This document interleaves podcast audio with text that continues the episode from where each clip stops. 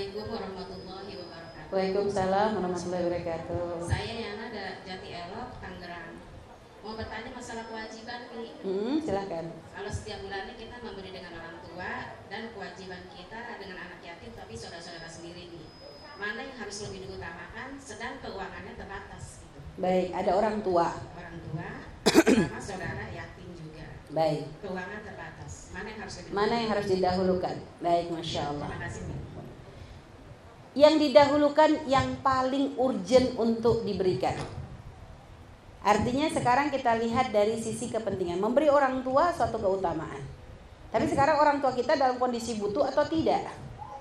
Uh, Orang tua juga butuh mie Kalau kita nggak bantu mereka kelaparan. Ya tentu dong orang tua kita dahulukan. Terus tapi untuk anak yatim gimana mi? Kalau memang kita belum mampu untuk membantu dia Kita bisa menginfokan kepada yang lainnya Mungkin tadi ibunda bisa komunikasi sama ibu. Siapa tadi yang pakai kerudung ungu? Nah, nenek tuh ya, jadi bisa nanti komunikasinya. Ini ada anak yatim, masya Allah minta tolong. Lah begitu loh bu. Jadi kita tuh harus punya cara cerdas. Tapi kalau orang tua, kan orang tua nggak masuk ke bagian anak yatim juga enggak gitu loh. Kalau orang tua kita dapat santunan fakir miskin padahal kita sendiri mampu, ya nggak pantas banget misalnya. Kita masih bisa ngasih orang tua, kok orang tua diambilin dana fakir kan kayak kurang layak, kurang ajar kita. Maka untuk orang tua kita yang memberikan, karena ini urgent, ini orang tua.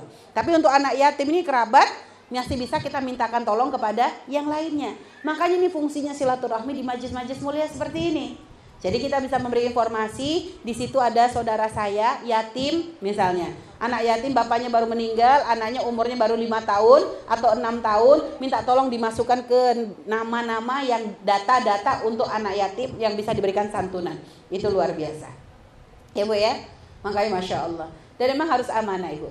Dan termasuk Ibu, ada kadang yang memakan anak yatim itu bukan orang jauh loh. Ada ibu makan dana anak yatim.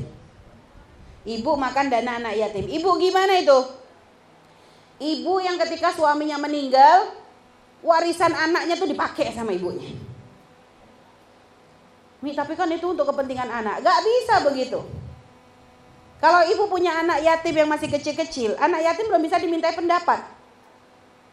Maka kalau dana ada bapaknya meninggal, maka dana anak tuh harus dikeluarkan, hitung dulu. Kalau nanti ibu make, itu jatuhnya hutang. Kalaupun nanti ibu pakai untuk kebutuhannya dia, dikeluarkan seperlunya, bukan langsung main ngambil-ngambil begitu saja. Ngerasa kan dia jadi tanggungan saya, jadi semuanya hitungannya jadi satu. Gak bisa. Harus jelas dulu. Ibu misalnya, seorang bapak meninggal, ninggalin istri sama anak yatim dua. Anaknya satu umur lima tahun, satu umur tujuh tahun, masih masih belum dibawa usia akil balik. Maka gimana? Ini anaknya laki sama perempuan. Maka istri dapat jatah seperlapan. Sisanya untuk anak laki dan perempuan. Dihitung dulu Misalnya ninggalin duitnya sekitar berapa ya? Mungkin anggap 50 juta. Seperlapannya berapa? Maka sisanya itu adalah jatahnya anak. Jadi nanti kalau ternyata ibu butuh untuk ngidupin anak, ada hitungannya. Berapa yang diambilkan, berapa yang disisa, harus begitu dong. Jadi jangan langsung main ngambil-ngambil, subhanallah ibu. Kita menemukan di negara kita ini hal-hal begini masih kurang. Saya kemarin ada satu teman e, di Singapura itu bu, dia punya abang warga negaranya Singapura, menikah dengan orang Indonesia. Punya anak. Abangnya tuh meninggal, anaknya masih bayi. Subhanallah ya, kalau di Singapura tuh memang gaya masalah masalah begitunya tuh memang ini juga. Memang situ negara bukan negara Islam, tapi untuk orang Muslim itu harta itu dipegang oleh yang bagian Muslimnya tuh ada. Kayak kalau Menteri Agama tuh ada Menteri Agama Kristennya ada yang bagian ini gitu loh. Jadi yang itu dipegang sama bagian yang keislaman. Itu bu uang warisan dari bab itu kan dat, berapa pendapatan kan masuk semua datanya. Datanya tuh masuk benar-benar masuk ke negara gitu loh.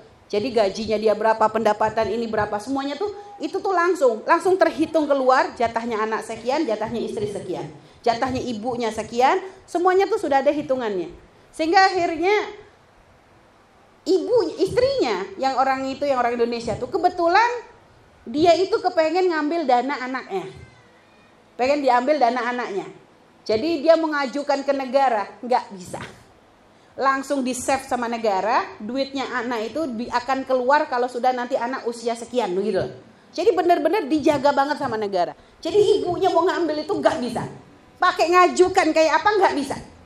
Nggak bisa, karena itu jatahnya anak. Segitunya. Di negara kita nggak ada itu. Program itu belum ada.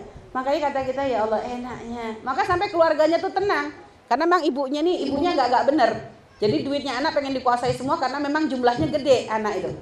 Ya tapi nggak bisa, dia nggak bisa nggak bisa ngutak-ngutik sama sekali karena langsung dijaga sama negara. Nah ini bu ya, baik masya Allah. Jadi itu tadi untuk ibu orang tua prioritaskan, untuk anak yatim ibu carikan bantuan untuk mereka melalui tangan orang-orang soleh yang lainnya. Wallahu a'lam bishawab. Terima kasih Umi, sudah cukup Ibu? Sudah. Baik, dua pertanyaan terakhir ya sebelum kita berakhir tadi ada dari uh, Mbak yang berhijab coklat dari situ baru ke sini ya. Ya silahkan. Ayo anak banat, dibantu. Anak banat cepat gerak cepat yang bawa micnya mana? Ayo, anak banat yang gerak ya. Dan kita sudah mengulang empat pertanyaan yang sudah dijawab sama Umi. Enam pertanyaan untuk hari ini untuk masing-masing ibu yang sudah memberikan pertanyaan. Alhamdulillah Ibu Haja Jun dengan baik hati memberikan satu buah payung cantik bagi ibu-ibu yang sudah bertanya tadi ya. Terima kasih Ibu Haja Jun. Nyampur kasih hujan ini Mbak. Silakan. Assalamualaikum warahmatullahi wabarakatuh. Waalaikumsalam warahmatullahi wabarakatuh. Izin sambil duduk Umi. Gak apa-apa.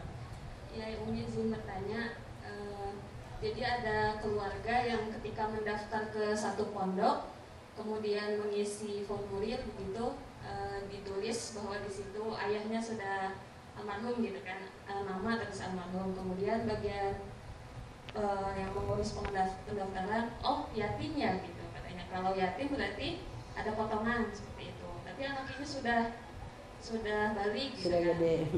kemudian satu sisi keluarganya senang gitu dapat potongan tapi ya ada Iskal kepikiran juga, juga. Ya. Oh, ini anak udah balik gitu harus gimana ya apa yeah. Iya. uh, disampaikan lagi kepada pengurus bahwa ini anak sudah balik hmm. khawatir jadi tidak berkah ilmunya yeah, gitu, karena Masya Allah. karena apa akad di awalnya salah itu ya ya, baik ibu Masya Allah emang di negeri kita ini jadi kadang kalau sudah ada anak nggak ada bapak langsung diyatimkan kalau kayak gitu kita nih kayaknya banyak yang yatim deh bu.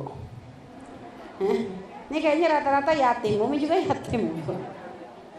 Makanya, mungkin dikasih batasan itu supaya jangan salah. Kalau nggak gini kan kacau. Nanti ibu semuanya ngaku yatim. Saya yatim Umi. Usia sudah 50 tahun, ya ngaco kita bu ya.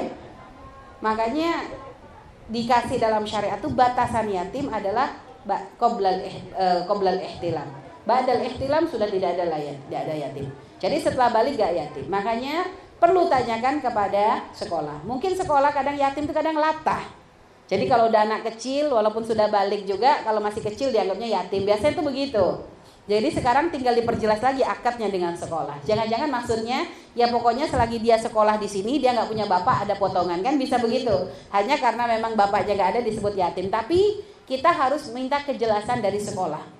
Soalnya sampaikan, Pak kami dengar katanya kalau sudah anak yatim sudah balik nggak bisa disebut yatim. Ini kebetulan kami dapat potongan ini gimana? Oh enggak kok, yang penting kalau sudah sekolah sini, ini masih dianggap anak-anak, jadi dia dapat bantuan yatim, tapi misalnya harus jelas gitu loh. Harus jelas, memang ada kesepakatan di sekolah, anak-anak yang belajar di sini yang bapaknya sudah meninggal akan ada potongan harga. Loh itu kan berarti lain lagi. Kebijakannya pokoknya selagi sekolah di sini kan berarti usia usia anak sekolah dan kalau sudah belum kalau sudah tidak punya bapak berarti dianggap memang akan mendapatkan santunan. Makanya perlu minta kejelasan benar tadi supaya ilmunya barokah. Jangan senang-senang dapat potongan tapi ternyata menjadi sebab anak kita ilmunya barokah karena uang bukan pada tempatnya. Potongan bukan menjadi haknya gitu loh. Luar biasa itu bentuk giroh, bentuk kecemburuan, bentuk kepedulian agar kita tidak gampang mengambil haknya anak yatim. Insya Allah anaknya diberikan keberkahan ilmunya Bu ya. Baik wallah alam bisawab.